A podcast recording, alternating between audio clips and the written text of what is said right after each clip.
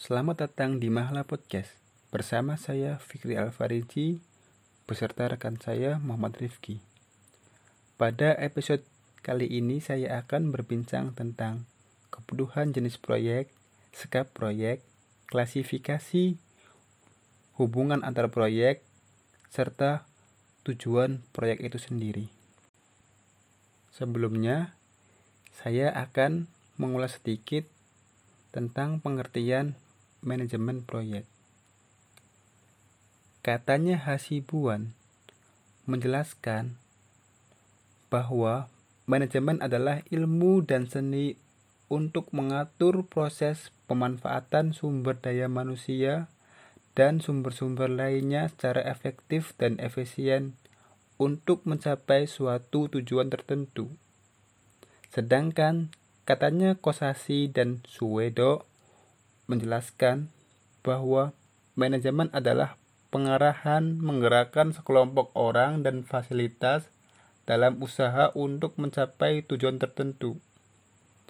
Dari berbagai pengertian tersebut, manajemen adalah usaha manusia untuk mencapai tujuan dengan cara yang paling efektif dan efisien. Usaha ini merupakan bagian dari proses manajemen.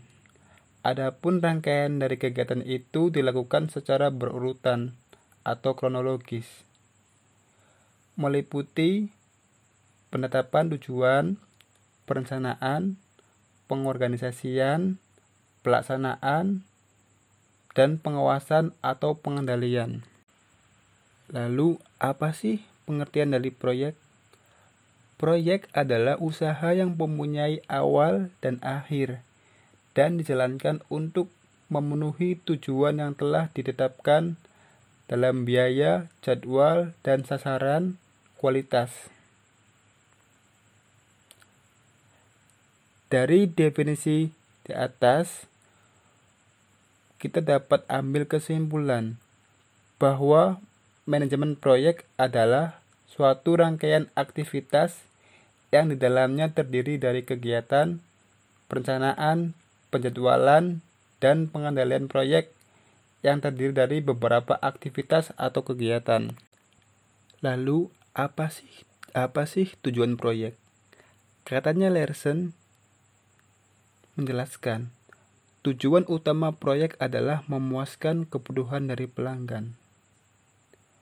Lalu apa saja karakteristik dari sebuah proyek untuk membantu membedakan proyek tersebut dari yang lainnya dalam organisasi.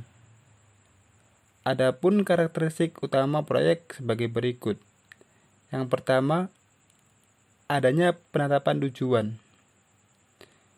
Yang kedua, masa hidup yang terdefinisi mulai dari awal hingga akhir.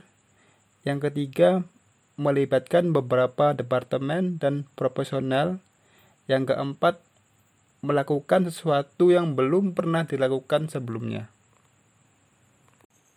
Perlu kita ketahui bahwasannya proyek memiliki tujuan yang unik. Proyek merupakan pekerjaan yang tidak sederhana dan memiliki tujuan yang spesifik. Produk atau output yang dihasilkan dari proyek harus didefinisikan secara jelas. Kita tahu juga bahwasannya proyek bersifat sementara. Dalam proyek harus ditentukan waktu awal dan akhir proyek. Proyek bukan sebuah proses yang berkelanjutan. Proyek juga memerlukan alat bantu kontrol. Alat bantu seperti GenCAD atau PetCAD diperlukan dalam sebuah proyek untuk mengukur dan mengendalikannya. Proyek juga memerlukan sumber daya yang bersifat sementara dan lintas disiplin ilmu. Proyek membutuhkan sumber daya dari berbagai area atau bidang yang meliputi manusia, hardware, software, dan tes dan aset lain yang bersifat sementara. Tim akan dinyatakan bubar setelah proyek itu selesai banyak proyek melibatkan departemen atau instansi lain dan memerlukan tenaga dari berbagai keahlian yang bisa bekerja penuh pada posisinya. Proyek juga memiliki sponsor utama. Suatu proyek melibatkan pihak-pihak yang berkepentingan. Salah satunya menjadi sponsorship yang menyediakan arahan serta mendanai proyek tersebut. Dan yang terakhir, proyek memiliki ketidakpastian karena memiliki karakteristik khusus, sulit didefinisikan tujuannya secara jelas. Mengestimasi waktu yang diperlukan untuk menyelesaikan proyek dan biaya yang diperlukan. Faktor tersebut sering menjadi penyebab munculnya kendala atau tantangan proyek. Lalu, apa saja tantangan di dalam proyek tersebut?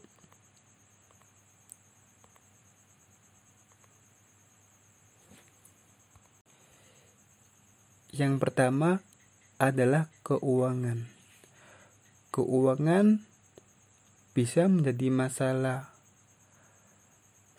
karena berkaitan dengan pembelanjaan dan pembiayaan proyek. Keuangan dapat berasal dari modal sendiri atau pinjaman dari bank atau investor dalam jangka pendek ataupun jangka panjang. Yang kedua anggaran biaya.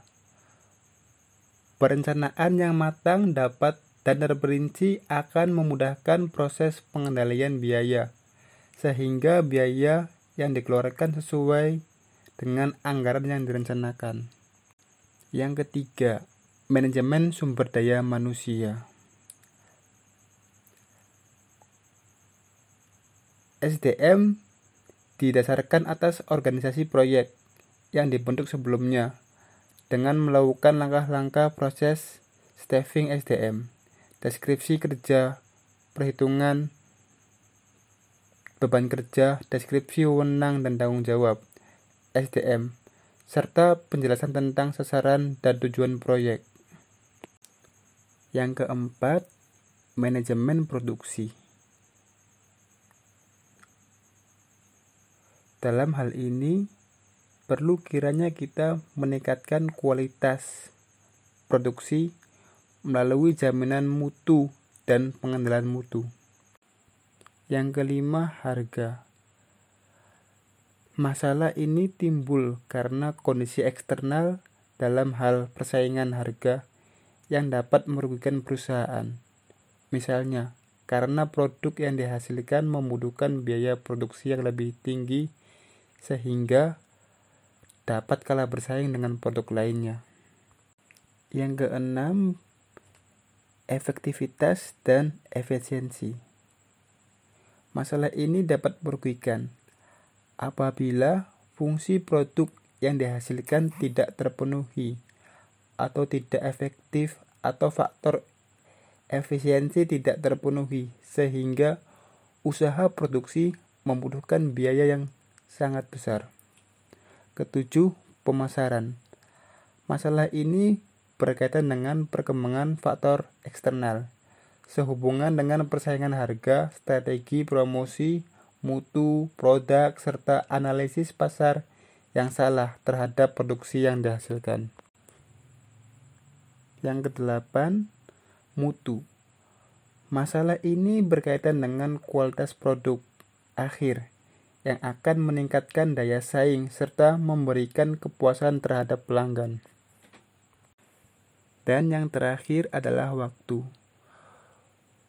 Waktu masalah waktu dapat menimbulkan kerugian biaya apabila pengerjaan proyek lebih lambat dari yang direncanakan.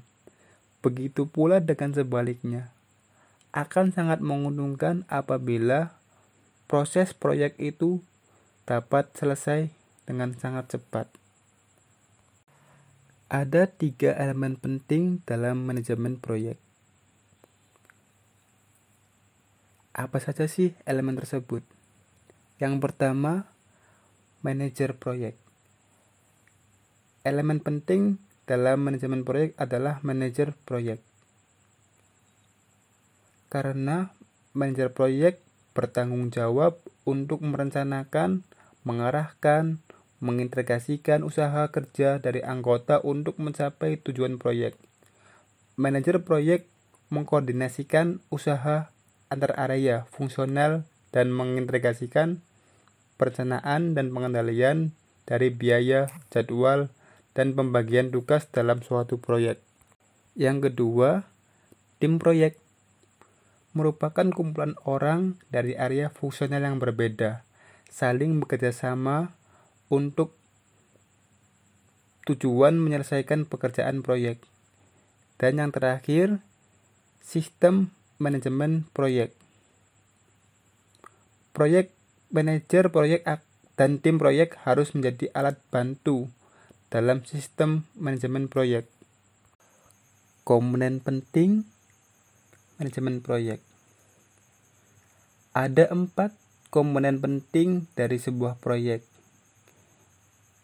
yaitu ruang lingkup atau scope, waktu, biaya, dan kualitas. Keempat komponen tersebut menjadi batasan dalam pelaksanaan proyek. Dengan kata lain, dapat dikatakan bahwa kriteria yang harus dipenuhi dari produk yang dihasilkan dari proyek meliputi kriteria atau batasan waktu, batasan ruang lingkup, batasan biaya, dan batasan kualitas. Dari sini dapat kita pahami bahwa proyek diselesaikan dan diserahkan dengan tepat waktu. Yang kedua, cukup biaya dengan dana yang telah ditentukan. Yang ketiga, sesuai dengan ruang lingkup yang disepakati. Dan yang keempat, memiliki kualitas hasil sesuai dengan kriteria yang disepakati antara pelaksana dan pemberi proyek. Lalu, apa sih batasan waktu proyek? Batasan waktu proyek dilaksanakan dengan memperhatikan waktu penyerahan produk atau hasil akhir dengan kesepakatan pihak-pihak yang berkepentingan. Keberhasilan dari sebuah proyek dapat diukur dari ketepatan waktu sesuai dengan yang telah direncanakan.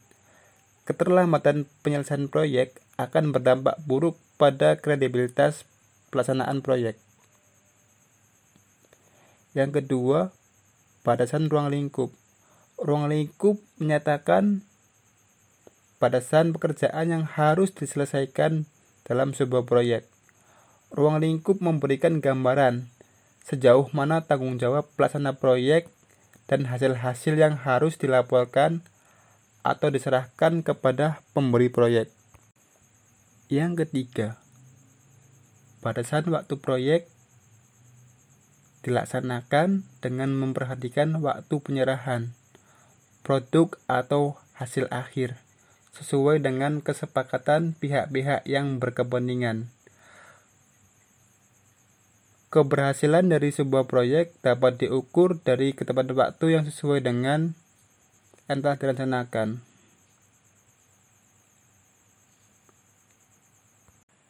Yang terakhir, batasan kualitas. Kualitas menjadi kriteria yang ditetapkan bersama antara pemberi dan penerima proyek untuk dicapai sebagai standar kualitas dari produk yang dihasilkan. Dengan standar kualitas pelaksanaan proyek, berusaha menetapkan target-target yang harus terpenuhi dari setiap tahap pelaksanaan proyek. Keempat komponen tersebut saling mempengaruhi Hubungan ini bersifat tarik-menarik untuk menghasilkan kualitas yang lebih tinggi.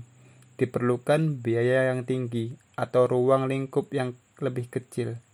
Jika menginginkan waktu penyelesaian proyek dipercepat, perlu biaya yang lebih besar. Jika ruang lingkup proyek bertambah setelah penetapan estimasi waktu dan biaya, maka harus diikuti dengan meningkatkan waktu atau biaya. Terima kasih yang sudah menyimak. Semoga menjadi keberkahan bagi kita semua. Billahi taufiq wal hidayah. Wassalamualaikum warahmatullahi wabarakatuh.